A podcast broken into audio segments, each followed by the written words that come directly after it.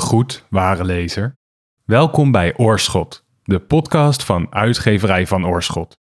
Mijn naam is Ignas Schoot en vandaag ga ik in gesprek met historicus Patrick Dassen over zijn net verschenen boek De Weimarrepubliek, over de kwetsbaarheid van de democratie. Dassen werkt als universitair docent geschiedenis aan de Universiteit Leiden. Eerder verscheen bij Van Oorschot onder meer zijn boek Sprong in het Duister over de rol van de Eerste Wereldoorlog in de Duitse geschiedenis. In zijn nieuwe boek gaat hij verder waar zijn vorige boek stopte en tekent hij het verhaal op van de Weimarrepubliek, de eerste democratie op Duitse bodem. Zij ontstond in 1918 na de Eerste Wereldoorlog en ging in 1933 ten onder, toen Hitler en zijn partij de NSDAP de macht overnamen. Dassen benadert de Weimarrepubliek nu eens niet als slechts een voorspel tot het Derde Rijk, maar gaat in zijn boek juist ook op zoek naar haar positieve kanten en haar potentie. Aan de hand van de indrukwekkende hoeveelheid bronnen beantwoordt hij de vraag naar waar de Weimarrepubliek voor stond, wat haar kwetsbaar maakte en welke lessen ze ons te bieden heeft.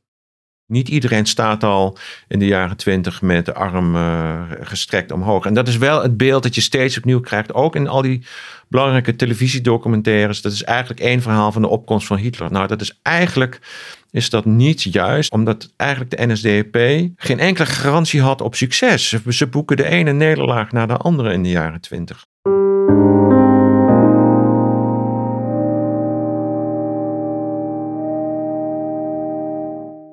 aan het begin van je boek heb je het over twee Duitslanden die eigenlijk bestaan. Wat, wat bedoel je daar precies mee met die term twee Duitslanden? Aan de ene kant het Duitsland van militarisme en geweld en in de meest extreme vorm van het nazisme en alles wat met de Tweede Wereldoorlog en de Holocaust te maken heeft. Dat is het Duitsland dat we wel kennen, wat ook in de geschiedenisboeken terecht is gekomen, hè, op middelbare scholen enzovoort. Maar ik vind het belangrijk om te laten zien dat er ook nog een ander Duitsland is geweest een meer democratisch Duitsland, een fatsoenlijk Duitsland, waar de sociaaldemocratie belangrijk was. De sociaaldemocratie was tussen 1912 en 1932 de grootste partij van Duitsland. En dat is wel goed om te benadrukken. En dat was gewoon een fatsoenlijke uh, partij. En ik denk dat het van belang is om naar de geschiedenis van Duitsland na 1945 te, te kijken. Om überhaupt te begrijpen wat ik, waar die twee Duitslanden dan, dat die beeld van die twee Duitslanden vandaan komt. Omdat Duitsland na 1945 natuurlijk een, na heel wat strijd, maar toch een fatsoenlijk, stabiel democratisch land in het midden van Europa is geworden. En Duitsland uh, neemt het voortouw in de Europese Unie. Het is een stabiel, democratisch land met goede, sterke instituties, met een fantastische verwerking van hun verleden enzovoorts. En ik denk dat het succes van het naoorlogse Duitsland alleen maar te verklaren valt als je kijkt ook naar de geschiedenis van Duitsland voor 1933. Dus ook naar de Weimarrepubliek, dat er wel degelijk allerlei ontwikkelingen zijn geweest waar de Bondsrepubliek bij kon aansluiten. Dat er dus een, een lijn valt te trekken van vanaf het einde van de 19e eeuw naar 1933. Dat is een veel te simpele opvatting van die Duitse geschiedenis. Eigenlijk stel je er een tweede lijn tegenover, namelijk een lijn van daar tot aan nu. Ja, precies.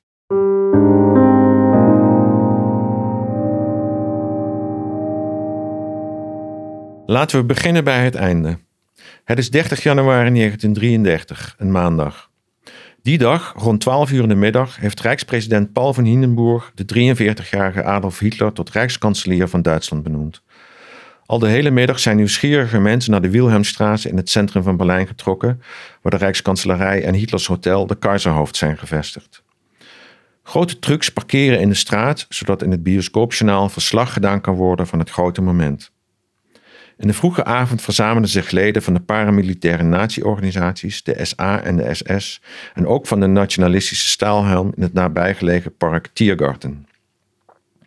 Van daaruit willen ze in vol ornaat en met veel vakkers een parade houden en via de Brandenburger Tor aan de Wilhelmstraat verder naar het centrum trekken. Jongens klimmen in bomen en op standbeelden om alles beter te kunnen zien. Om zeven uur precies zet de stoet zich in beweging, toegejuicht door grote aantallen burgers. Het is het begin van een indrukwekkende, geïmproviseerde massabetoging die tot lang na middernacht zal duren. Hindenburg slaat de fakkeloptocht vanuit het raam op de eerste verdieping van zijn officiële residentie met goedkeuring gade. Een paar ramen verderop staat in al even vergulde Hitler. Beide, van buiten beschenen door felle lampen, worden enthousiast toegejuicht. Hitler net iets meer dan de stokoude 85-jarige Hindenburg. Je zegt dus laten we beginnen bij het einde. Maar in je boek zeg je ook, de Weimarrepubliek moet eigenlijk uit de schaduw van Hitler getrokken worden. Ja. Waarom is dat zo belangrijk? Nou, het is een beetje een, een spel in die zin dat sprake is van een enorme paradox. Want ik begin bij het einde. En mijn boek gaat eigenlijk over het centrale idee dat je de geschiedenis niet moet benaderen vanuit het bekende eindpunt, maar vanuit het perspectief van de mensen die toen leefden. Stel je voor dat Hitlers eh, machtsovername niet had plaatsgevonden. En, en, dat was echt niet onvermijdelijk. Dat zijn eigenlijk alle serieuze historici zijn het daar wel over eens. Dat er bijvoorbeeld een militaire dictatuur was gekomen met veel minder afschuwelijke gevolgen. Dan hadden we ook met een hele andere blik naar die warme republiek uh, gekeken. En dus niet als een soort staat die, die eigenlijk recht op Hitlers uh, machtsovername afstevende, maar op een, nou ja, een hele bloeiende staat in, in, zekere zin, met, met buitengewoon uh, interessante mensen en natuurlijk met alle problemen, maar die hadden alle, alle landen, zeker in uh, Centraal- en Oost- en Zuid-Europa. maar dan hadden we echt met andere ogen naar die, naar die warme republiek gekeken. En nu zijn we toch geneigd om het te bezien in de schaduw van, van Hitler in plaats van nou, met, een, met een wat positievere uh, blik. Dus eigenlijk verdient de Weimarrepubliek een betere blik en een nauwkeurigere blik. Ja, een, precies. Een nauwkeuriger en genuanceerdere blik dan, uh, dan vaak het geval is. Ja, zeker. Waarom is de Weimarrepubliek zo'n belangrijke periode geweest? Waarom verdient het zo'n beste flink boek eigenlijk? Omdat het een uh, ongekend belangrijke en interessante periode is in de Duitse geschiedenis maar ook in de Europese geschiedenis en je zou zelfs kunnen zeggen uh, in de wereldgeschiedenis, om, omdat op het moment dat Hitler aan de macht komt uh, in januari 33, uh, eh, de hele geschiedenis van de wereld anders gaat verlopen. En tegelijkertijd is het ook een, een periode in die Duitse geschiedenis die ook wel hoopvol is geweest. Hè. Daar probeer ik in mijn boek ook wel veel aandacht aan te besteden, omdat het de eerste democratie was op, op Duitse bodem. En die, die Weimar-coalitie, die in januari 1919 uh, eh, tot stand komt, uh, bestaande uit de SPD, uh, eh, de DDP, dat zijn de linkse eh, liberalen en de, en de, de katholieken, samen met mhm. de sociaaldemocraten, die hebben maar liefst 76% van de stemmen gekregen. Dus dat is wel een, een steun voor, die, voor, voor het nieuwe begin. Dat brokkelt weliswaar vrij snel af, al vanaf 1920, maar het is een hoopvol begin en die Weimar Republiek heeft beslist ook kansen gehad. Er zijn eigenlijk drie hele duidelijke perioden in die, in die Weimar Republiek. De eerste is een periode van chaos en revolutie van 1918 tot 1923, eh, of tot en met 1923. Dan is er een, een periode van veel uh, opstanden, van uh, chaos, economische wanorde en van een enorme hyperinflatie in 1923. Als je 20 miljoen mark voor een Duits brood moet betalen, op een gegeven moment nog zelfs veel meer. Dus dat is een buitengewoon ongelukkige eh, periode met veel armoede, veel onrust. En eigenlijk is het een wonder dat die warme republiek het in die jaren heeft overleefd. Ja. Maar dan eind 23 vindt er toch een opvallend herstel plaats. En dat duurt maar liefst tot eind 29 zou je kunnen zeggen. In zes jaar van relatieve bloei. De economie wordt stabieler. Um, er vinden geen opstanden meer plaats. Die huizenbouw, dat er miljoenen huizen nieuwe huizen worden gebouwd, dat er een, eh, een, een goed uh, gezondheidszorgstelsel op wordt gezet. Dat er een, eh, een, een werkloze verzekering komt in 1927. Een soort symbool van, een soort, van de verzorgingsstaat die is ontstaan. En dat de republiek wel degelijk wat meer draagvlak krijgt. En wel goed om te zeggen dat de, de NSDAP in 1928 maar 2,6% van de stemmen had. Dus dat is mhm. echt een, een heel laag aantal. Wat veel mensen toch niet weten, omdat ze denken dat die NSDAP altijd maar overal aanwezig was en zichtbaar was. Dat is niet zo. Dat is eigenlijk pas vanaf 1930. Nou, dan begint dus inderdaad ook meteen die derde periode van 1930 tot en met 1933. En dan zie je dat Duitsland als gevolg van die grote depressie onder grote druk komt te staan. En Duitsland is eigenlijk dan bijna niet meer overeind te houden als een democratie.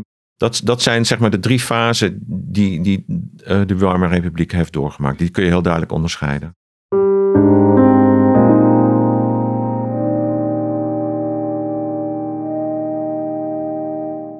Ik heb het motto opgeschreven wat je um, het boek hebt meegegeven. En dat is men moet erover nadenken wat had kunnen gebeuren. Wanneer men wil begrijpen wat er werkelijk gebeurd is. Dat impliceert een beetje dat je je richt tegen hoe de Weimarrepubliek heel vaak um, wordt beschreven. Ja. Dat, dat, bestaande beeld van de Weimarrepubliek, hoe zou je dat in het kort, hoe Hoe zou je dat samenvatten? Het, een beetje het clichébeeld wat mensen hebben van de Weimarrepubliek. Um, ja, het clichébeeld is toch wel een beetje dat eigenlijk die warme republiek heel weinig kans heeft gehad om, om overeind te blijven. En ik probeer juist een soort balans te bereiken. Ik besteed buitengewoon veel aandacht aan al die tegenwerking. Vanuit het leger, vanuit allerlei groepen die, die zich tegen die Weimar-republiek keerden. Ook tegen het, uh, ik besteed ook veel aandacht aan het antisemitisme. Maar ik vind het ook wel van belang om te laten zien dat er ook allerlei mensen bezig waren om die Weimar-republiek te beschermen. Het clichébeeld is, is eigenlijk dat het, dat het mislukken van de Weimar-republiek al ingebakken zat in het begin. En dat het logischerwijs leidde tot, dat, tot Hitlers machtsovername. Ja, En um, en jij miste daar vooral eigenlijk ook de kansen en de potentie van de Weimarrepubliek ja, in. Precies. Um, ja, zou je kunnen beschrijven wat er dus inderdaad mist in die bestaan, dat bestaande beeld en wat jij wilde beschrijven in je boek? Ja, um, misschien is het ook wel goed om, voordat, voordat ik dat vergeet, maar dat is toch wel belangrijk, uh, dat er een, een buitengewoon rijke cultuur was in, in die warme republiek. Dat weten mensen ook wel. Er is een hele bloeiende filmindustrie met schitterende films als Metropolis van Frits Lang schitterende literatuur, uh, prachtige uh, schilderkunst, um, schitterende muziek. De Drei Open van Kurt Weill. Allemaal prachtige... Architectuur, Bauhaus. Ah, precies, architectuur niet, niet vergeten. Precies, dat is eigenlijk misschien nog wel het belangrijkste, het Bauhaus. En ook een heel rijk perslandschap met, met hele uh, goede kranten waarin allerlei discussies plaatsvonden. Heel liberaal klimaat eigenlijk dat wijkt in alles af van alles wat in het Derde Rijk uh, gaat volgen, waar natuurlijk perscensuur was enzovoort. Dus dat zijn echt twee hele grote verschillen tussen de Warme Republiek en het Derde Rijk.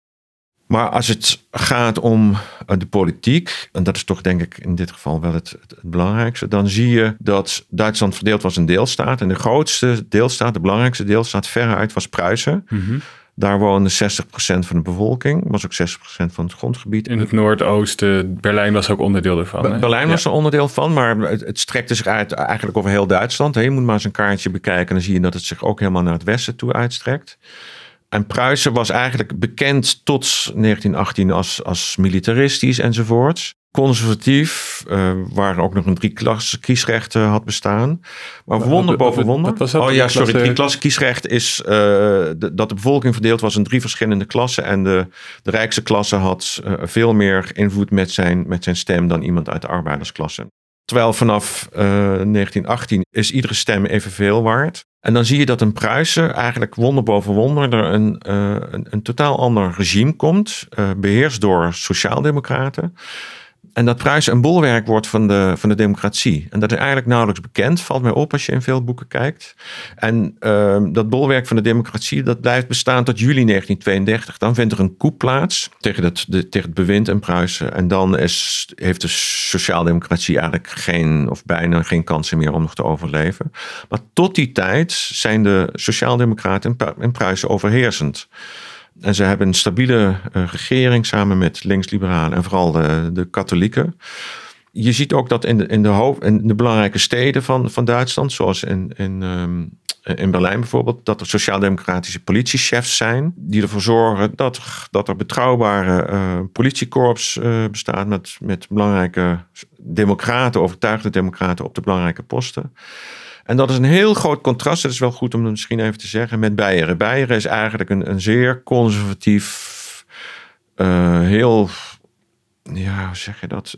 er is veel verzet tegen Pruisen met name, maar ook tegen alles wat naar democratie zweemt. Ja. Uh, en het is niet voor niets dat daar ook dat dat het gebied is waar de NSDAP zeg maar uh, ontstaat en, en van daaruit probeert zijn macht over Duitsland uit te breiden. Dus Pruisen was, is eigenlijk veranderd van een heel militaristisch bolwerk voor de Eerste Wereldoorlog en tijdens de Eerste Wereldoorlog tot een baken van sociaaldemocratie. En welke rol speelde Pruisen in het voortbestaan van de Weimarrepubliek? Je zou kunnen zeggen dat als Pruisen niet een bolwerk van de democratie was geweest, dat die Weimarrepubliek waarschijnlijk überhaupt niet zo lang eh, bestaan had. Naast Pruisen als een soort steunpilaar van de Weimarrepubliek noem je ook de Rijksbanner uh, Schwarz-Rood-Gold. Wat was dat precies voor, voor organisatie en waarom was die zo belangrijk? Dat was een, een, een eh, veteranenorganisatie, dus van uh, soldaten die in de Eerste Wereldoorlog hadden gevochten. En dat was de grootste veteranenorganisatie in de Weimar Republiek. En dat is eigenlijk iets wat je ook bijna nooit in boeken tegenkomt, omdat de meeste mensen denken aan de staalhelm. Dat was ook een veteranenorganisatie? Dat was ook een veteranenorganisatie, maar een rechtsnationalistische mm organisatie. Terwijl de Rijksbanner uh, veel groter was. Um, nu had maar liefst anderhalf miljoen leden ongeveer. Hij werd in 1924 opgericht en die heeft er alles aan gedaan om de republiek zoveel mogelijk te beschermen tegen alles wat extremistisch was. Zowel van kant van de communisten als van de kant van extreem rechts. Met name dan natuurlijk de NSDAP. En wat voor dingen moet ik dan denken? Wat, wat deden ze om te beschermen? Uh, zij beschermden bijvoorbeeld uh, bijeenkomsten van de SPD. Uh, eh, want er, er, waren voortdurend pogingen om in te breken bij elkaars bijeenkomsten. Dus dat ze echt ervoor staan, zodat er mensen niet fysiek naar binnen kunnen? Bijvoorbeeld, of, of mensen de zaal uitwerken op het moment dat ze begonnen te schreeuwen of zo. Dus er waren voortdurend waren er allerlei pogingen um, om, om, om elkaar uh, het leven zuur te maken. Dus vooral uh, communisten bij, uh, bij nazi's en nazi's bij communisten, maar ook wel bijeenkomsten van de SPD. En men heeft voortdurend geprobeerd om zoveel mogelijk de symbolen van de, van de Weimar Republiek te herdenken, zeg maar. De, op 11 augustus 1919 kwam de grondwet tot stand. En op 11 augustus uh, werd ieder jaar werd, die, werd dat herdacht. Met behulp van allerlei demonstraties. Met behulp van uh, manifestaties, uh, feesten en, en dergelijke toespraken van, van, van, democratische leiders. En men heeft ook geprobeerd, en dat is ook denk ik wel van belang, om een ander beeld van de Eerste Wereldoorlog neer te zetten. Omdat er toch een soort discours was van we hebben die oorlog weliswaar verloren, maar dat kwam door het verraad van, van het thuisfront, door die, door die Joden en die communisten enzovoorts. Maar we hebben dapper gestreden en um, ja, zo'n verhaal van kameraadschappelijkheid en van heldhaftigheid. En de Rijksbannen heeft geprobeerd om een ander beeld voor, van die oorlog neer te zetten als een, een, een, iets gruwelijks wat echt kosten wat kost in de toekomst uh, voorkomen moest, uh, moest worden. Dus hoe zat dat? De, de, de, hadden ze, waren dat, uh, nou ja, tegenwoordig zou je denken radiospotjes of, of tijdschriften, maar hoe, hoe deden ze dat? Nou, bijvoorbeeld als de, in 1924, toen was het tien jaar geleden dat de oorlog was uitgebroken en dan hield men grote vredesdemonstraties in Berlijn en in andere steden waar echt honderdduizenden mensen op afkwamen. Dus ze hadden ook echt effect wel, hun, um, hun Nou ja, uiteindelijk natuurlijk op de langere termijn nee. natuurlijk niet. Maar het, het, geeft aan dat er um, in die Weimar Republiek niet alleen maar vrijkorpsen rondliepen en, en uh, mensen met uh, armen gestrekte omhoog. Maar dat er wel degelijk hele grote groepen mensen waren die, uh, die niks met dat militarisme te maken meer wilden hebben. Omdat men had gezien hoe gruwelijk oorlog was.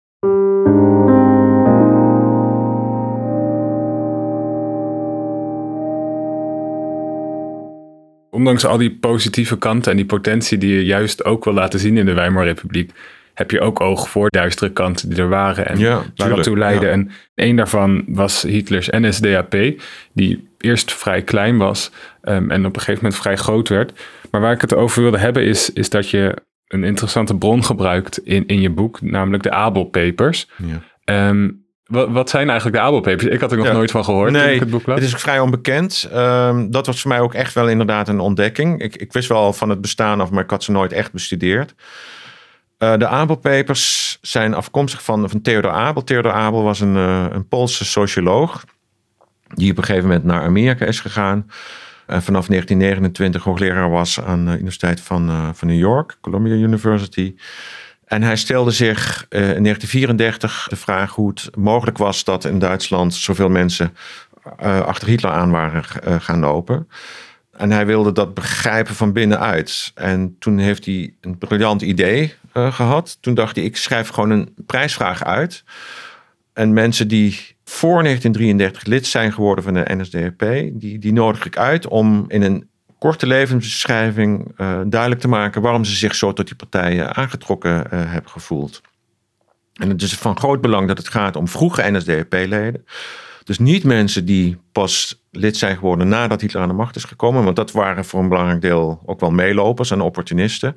Maar dit zijn duidelijk overtuigde naties die vaak al in de jaren twintig lid zijn geworden. En nou goed, daar hebben 600 mensen ruim op, op uh, gereageerd. En die zijn ook op, gewoon op internet zijn die, uh, terug te lezen, die essays. Of die levensbeschrijvingen. En die zijn buitengewoon uh, interessant. Wat, wat, wat, leren we uit die beschrijvingen? Ja, wat leren, we leren heel veel. Maar de, de belangrijkste motivatie blijkt voor die mensen om lid te worden... is dat zij zich aangetrokken voelden door die partij, omdat ze het idee hadden dat de NSDAP stond voor een nieuw Duitsland, verenigd in een, in een wat ze dan noemen de Volksgemeinschaft. Dat is echt een centrale term die steeds opnieuw terugkomt. En dat stond voor een eenheid van Duitsland tegenover de verdeelde chaotische Weimarrepubliek, waar mensen elkaar bevochten. En in die in Volksgemeinschaft wordt een mythe verkondigd, maar dat is blijkbaar een hele sterke mythe, want mensen geloven er echt in dat er een einde komt aan die verdeeldheid dat mensen gelijk zijn binnen die partij, dat er sprake is van een grote solidariteit en dat mensen iets herkennen van de kameraadschappelijkheid die ze ook als soldaat aan de eerste, uh, in de Eerste Wereldoorlog hebben ervaren. Veel van die schrijvers zijn ex-soldaten. En die zijn buitengewoon teleurgesteld over het, het nieuwe Duitsland na 1918. Die denken, hebben we hier nou voor gevochten? En die herkennen zich heel goed in de boodschap van Hitler dat er een, ehm, nou ja, een eenheid moet ontstaan waarbij uh, een arbeider uh, evenveel waard is als iemand van adel. En, en de boodschap van deze partij is er voor iedereen, is een hele succesvolle geweest. Ik denk dat dat, dat de sleutel is tot het, tot het succes van van de naties. Wij zijn een partij die er voor iedereen is. Tegelijkertijd sloot dat natuurlijk heel veel mensen ook buiten die Volksgemeinschaft gedacht. Dus er zat ook antisemitisme in, anticommunisme. Ja, een hele terechte vraag inderdaad. Dus die Volksgemeinschaft is dus een mythe van een, een, een solidaire uh, Duitse bevolking. Maar inderdaad, um, is heel belangrijk om dat eraan toe te voegen.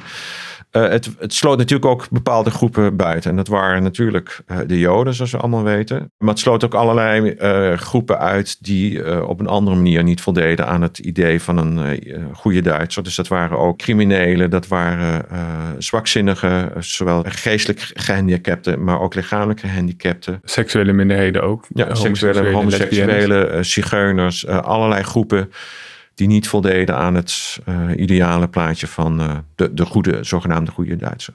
Zeker. En, en antisemitisme speelde ook een rol wel in mens, voor mensen om lid te worden van de NSDAP? Ja, uh, dat, zijn, dat is inderdaad een andere belangrijke motivatie. Het antisemitisme was nog sterker eigenlijk dan ik had gedacht van tevoren. vaak een combinatie met anticommunisme. En dan zie je dat veel mensen woedend zijn over wat zij zien als het verraad van 1918. Zij denken daadwerkelijk dat die dolkstootlegende die zo krachtig is in die warme republiek, dat, die, dat het echt waar is. Namelijk de mythe dat de oorlog niet verloren is door, door het leger, maar door het verraad aan het thuisfront. En dat, dat Joden en communisten uiteindelijk de, de soldaten aan het front verraden hebben en dat die dat die oorlog verloren is door een, door een revolutie thuis en niet door een militaire nederlaag. Maar misschien eigenlijk wat ik nog het allerinteressantste vond uh, aan die Abel Papers, en dat, dat heeft me ook wel redelijk verbaasd. Dat springt er echt uit, bijna uit ieder stuk, is dat je ziet dat dat gaat om mensen die eh, heel veel tegenstand hebben ondervonden op het moment dat ze lid werden van die partij. Je ziet dat vriendschappen worden verbroken, dat familiefeestjes niet meer uh, echt gezellig zijn, omdat er eigenlijk niet meer over gesproken kan worden. Mensen raken vaak een baan kwijt, of er mag op het werk niet over uh, gepraat worden. Een melkboer die verkoopt geen melk meer op het moment dat bekend is dat hij uh, NSDAP-lid is geworden. Kortom, je krijgt het beeld van mensen die niet zozeer uh, laf zijn en, en met de grote stroom meegaan, maar eerder tegen de stroom in hebben geroeid. En dat ze um, nogal wat tegenstand hebben, hebben ondervonden. Dus dat beschrijft dat de NSDAP vrij onpopulair was voor 1933. En om, lid te worden daarvan, dat je ja, tegen de, de, de publieke opinie in moest gaan. Eigenlijk. Nou, in ieder geval impopulair voor 1930. Vanaf 829 begint het alweer iets te veranderen. Maar e-, even in grote lijnen. Vanaf tot 1930 is de NSDAP een, een kleine partij. Pas vanaf 1930, september 1930, winnen ze winnen verkiezingen in die zin dat dan 18% uh, op die partij uh, gaat stemmen. Maar dat betekent dus dat nog steeds 80% niet op die partij stemt. Ik vind het heel belangrijk om, om duidelijk te maken dat de NSDAP pas echt groeit uh, op het moment dat Hitler aan de, aan de macht is. En dat daarvoor er nog heel veel tegenstand uh, bestaat tegen die partij. Dus niet iedereen staat al in de jaren twintig met, uh, met de arm gestrekt omhoog. En dat is wel het beeld dat je steeds opnieuw krijgt, ook in al die belangrijke televisiedocumentaires. Dat is eigenlijk één verhaal van de opkomst van Hitler. Nou, dat is eigenlijk is dat niet juist, omdat, je, omdat eigenlijk de NSDAP geen enkele garantie had op succes. Ze boeken de ene nederlaag na de andere in de jaren 20. Nogmaals, in 1928 2,6% van de stemmen. Goebbels is zeer teleurgesteld. En, maar je ziet wel, en dat is ook wel opvallend, dat ze onvoorstelbaar vastberaden zijn om door te gaan. En dat ze toch op de ene manier wel het geloof hebben dat ze Duitsland weer op het goede pad zullen brengen. Uh, en die vastberadenheid wordt uiteindelijk, zoals we allemaal weten, helaas beloond. Maar in de hele jaren twintig door is er geen enkele garantie op succes. Het, dat, ik, het frustreert dat je dat dat beeld maar steeds verspreidt. Nou ja, omdat het, om, omdat het, die, omdat het het beeld van die warme republiek ook wel vertekent. En, en nou, een van de redenen waarom ik dat boek heb geschreven is wel om aan te geven ehm, dat dat in ieder geval niet, niet klopt. En dat dat pas vanaf 1930 echt anders wordt. Je boek eindigt in 1933 de, de, bij de, de machtsovername eh, door Hitler en eigenlijk de ondergang van de Weimarrepubliek.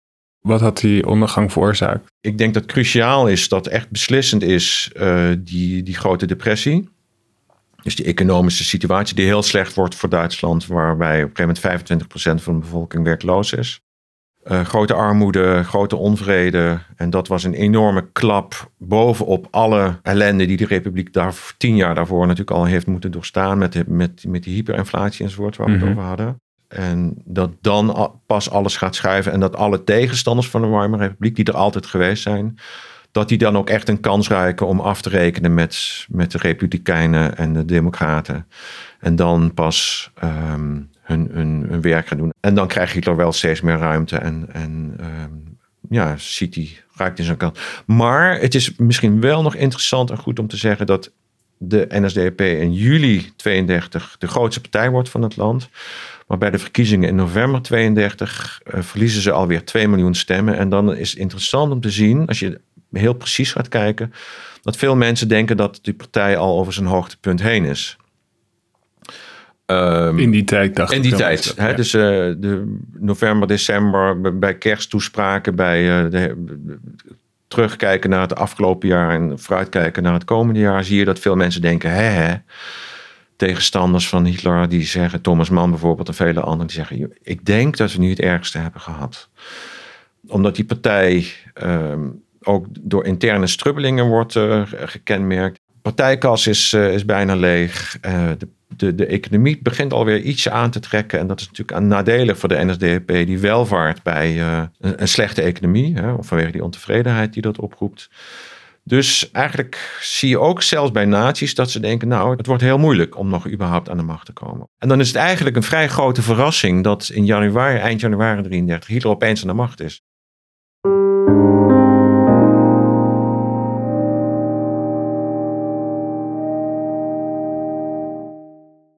Mensen spreken nu wel eens van Weimar, uh, Weimar toestanden. Wat bedoelen mensen daarmee als ze dat zeggen? Je, ziet een tendens dat, dat de huidige tijd hè, van de laatste jaren, zeg vanaf van 2015, 2016 ongeveer, dat mensen dat wel en terecht zien als een periode van crisis, uh, waarin het uh, rechtspopulisme heel, veel sterker is geworden, met Trump als natuurlijk belangrijkste figuur. Dat er een, een, natuurlijk een, hele belangrijke coronacrisis is gekomen sinds 2020, met alle polarisatie die, die daarbij hoort dat mensen onzeker worden en, en dat ze zich afvragen of, of, of we misschien opnieuw uh, te maken zouden kunnen hebben met, nou, met allerlei crisisverschijnselen die, die zouden terug kunnen verwijzen naar de jaren 20 en, en 30. Ik vind dat interessante vragen. Ik, ik, ik heb daar zo mijn, mijn voor's en tegens. Kijk, in heel veel opzichten is de huidige wereld uh, totaal onvergelijkbaar met die van de jaren 1920, 1930. Maar ik, de, uh, ik denk wel dat, dat er bepaalde dingen wel weer een rol spelen in de, in de zin van dat vragen van identiteit weer belangrijker worden. Van waar, hoor ik nu eigenlijk bij? In hoeverre kan ik de overheid nog uh, vertrouwen? Dat zijn klassieke vragen die altijd weer in een periode van crisis uh, opduiken. En dat zie je dus nu ook weer, weer terugkomen. En wat ik heb gedaan is de Warme Republiek vergeleken met het huidige Duitsland en ook met het Duitsland onder Trump. En als, ja, de VS onder Trump dan. Eh, de, de uh, VS onder Trump, sorry, natuurlijk bedoel ik. Als je het huidige Duitsland vergelijkt met de Warme Republiek, dan zie je vooral heel veel grote verschillen. Dat is heel evident. Merkel is natuurlijk het, het, het summum van bezonnenheid, van redelijkheid, voorzichtigheid.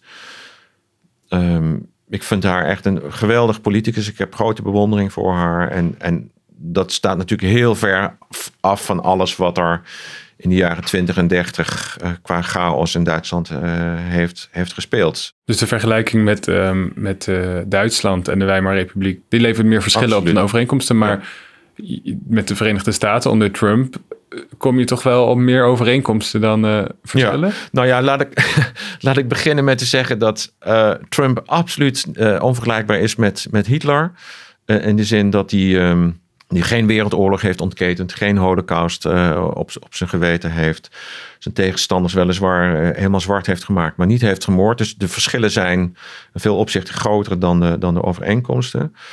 En Trumpisme is iets anders dan het nazisme. Maar als je kijkt, dan zie je toch wel een aantal interessante uh, parallellen. En misschien mag ik bijvoorbeeld twee noemen. Ja, nee, ga, ga de, je gaan. De eerste is de manier waarop Hitler en Trump aan de macht zijn gekomen. Bij Hitler zie je dat hij uh, aan de macht is gekomen met de hulp van de conservatieve elite. En dat was een groep um, van uh, industriëlen en, en, mensen uit het leger en uh, ambtenarij enzovoorts, die eigenlijk een einde wilden maken aan de Weimar-republiek. Dat waren geen nazi's, maar ze hoopten wel op een uitbreiding van het leger en op een felle aanpak van het marxisme enzovoorts. En een meer autoritaire staat precies, zonder democratie. Precies, ja. dat is wat ze wilden. En ze dachten uiteindelijk dat ze Hitler daarvoor wel konden gebruiken. En toen ze zagen dat Hitler zo populair werd in begin jaren dertig toen dachten ze, die man kunnen we misschien wel voor ons karretje spannen. Ja. Omdat het gewoon een stemmenkanon is. Uh, met een uh, enorme onderschatting van hem. Ze dachten, als hij dan eenmaal uh, kanselier is, dan zullen we hem wel kunnen temmen. Um, en zoals we allemaal weten, dat bleek niet het geval. Maar Hitler heeft meteen iedere tegenstand de kop ingedrukt enzovoorts. En dat is wel vergelijkbaar met, met Trump. Omdat ook Trump aanvankelijk uh, eigenlijk niet zo geliefd was. Net als Hitler, die, die conservatieve elite dacht, nou dat is een enorme schreeuw lelijk. Maar ja, um, misschien kunnen we wel gebruiken. Dat, uiteindelijk hebben veel republikeinen dat ook gedacht. Van deze man moeten we niet. Maar ja, hij trekt wel veel stemmen. Dus misschien moeten we toch maar proberen hem te steunen. In de hoop dat hij onze conservatieve agenda kan uh, verwezenlijken. Dus bijvoorbeeld wat betreft abortus en de benoeming van conservatieve rechters enzovoorts. Dus dat was de eerste parallel eigenlijk hoe die aan de macht uh, ja, precies. En de tweede parallel is de minachting voor uh, rationaliteit, voor wetenschap, voor uh, onafhankelijke journalistiek. Hitler had het over de, de Lügenpresse, Trump had het over fake news. Um, Trump had bepaald geen hoge pet op van een wetenschappelijke aanpak van de, van de coronacrisis, zoals we allemaal hebben gezien niemand had verwacht tien jaar geleden dat dit in, in Amerika zou, zou gaan plaatsvinden. Nee, en, en, en dat sluit wel aan bij een, een soort diepere vergelijking die, die ik wel in je boek mooi vond. En, of net mooi, maar heel interessant vond. En dat is ook de ondertitel van je boek, De kwetsbaarheid van de democratie. Dat je eigenlijk niet zozeer Hitler met Trump wil vergelijken of die samenlevingen met elkaar wil vergelijken, maar dat je heel goed laat zien dat wat op het ene moment stabiel lijkt, of, of waar veel potentie in zit, zomaar ook door allerlei omstandigheden ja.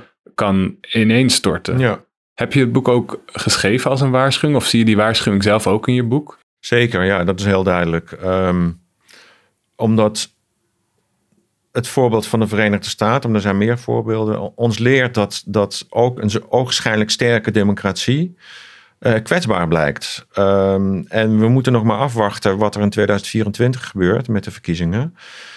En of die Amerikaanse democratie daadwerkelijk overeind blijft. Ik bedoel, de bestorming van het kapitool, het symbool en het hart van de Amerikaanse democratie uh, in januari van dit jaar. Ik heb echt met enorme ogen uh, zitten kijken dat, dat dit mogelijk was. Dit is een soort uh, symboolkracht van ook de Amerikaanse democratie is blijkbaar heel erg kwetsbaar naar alles wat er al gebeurd was. En het geldt voor um, eigenlijk iedere democratie. Ook, al de, ook in Nederland en ook in Duitsland. Um, ik zeg niet dat het, dat het allemaal staat te gebeuren, helemaal niet. Ik heb daar wel vertrouwen in. Als ik het voorbeeld van deze twee landen, Nederland en Duitsland. Maar er hoeft maar een, een sterke uh, leider op te staan met een hele goede aansprekende boodschap. Um, en het, het kan zomaar gaan schuiven.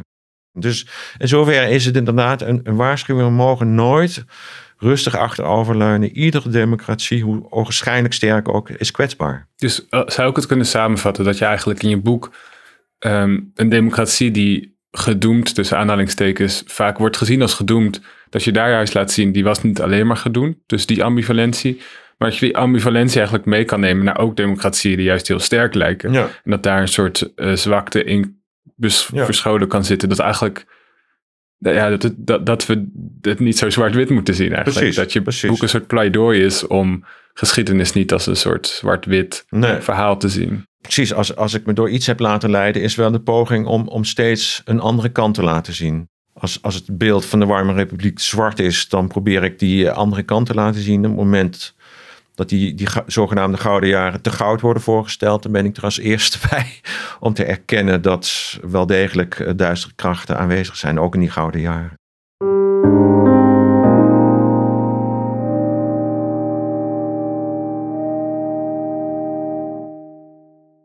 Ik sprak met Patrick Dassen over zijn boek De Weimarrepubliek, over de kwetsbaarheid van de democratie. Vond je dit een leuk gesprek? Abonneer je dan op deze podcast. Laat een recensie achter in Apple Podcast of deel de aflevering via je sociale media. De Weimarrepubliek verscheen bij uitgeverij Van Oorschot en is te koop bij je lokale boekhandel of via vanoorschot.nl. Oorschot is te beluisteren via je favoriete podcast-app. En wil je reageren?